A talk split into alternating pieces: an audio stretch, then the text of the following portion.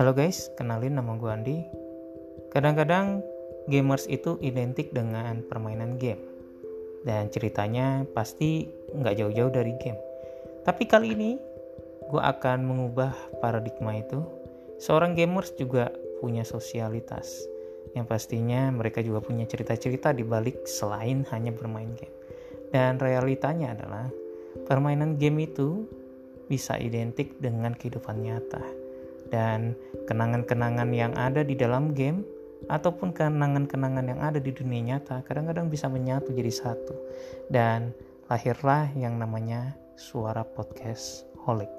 Dan podcast ini menceritakan semua tentang keluh kesah seorang gamers dari percintaan, kenangan masa kecil, dan sebagainya. Oke, stay tune ya.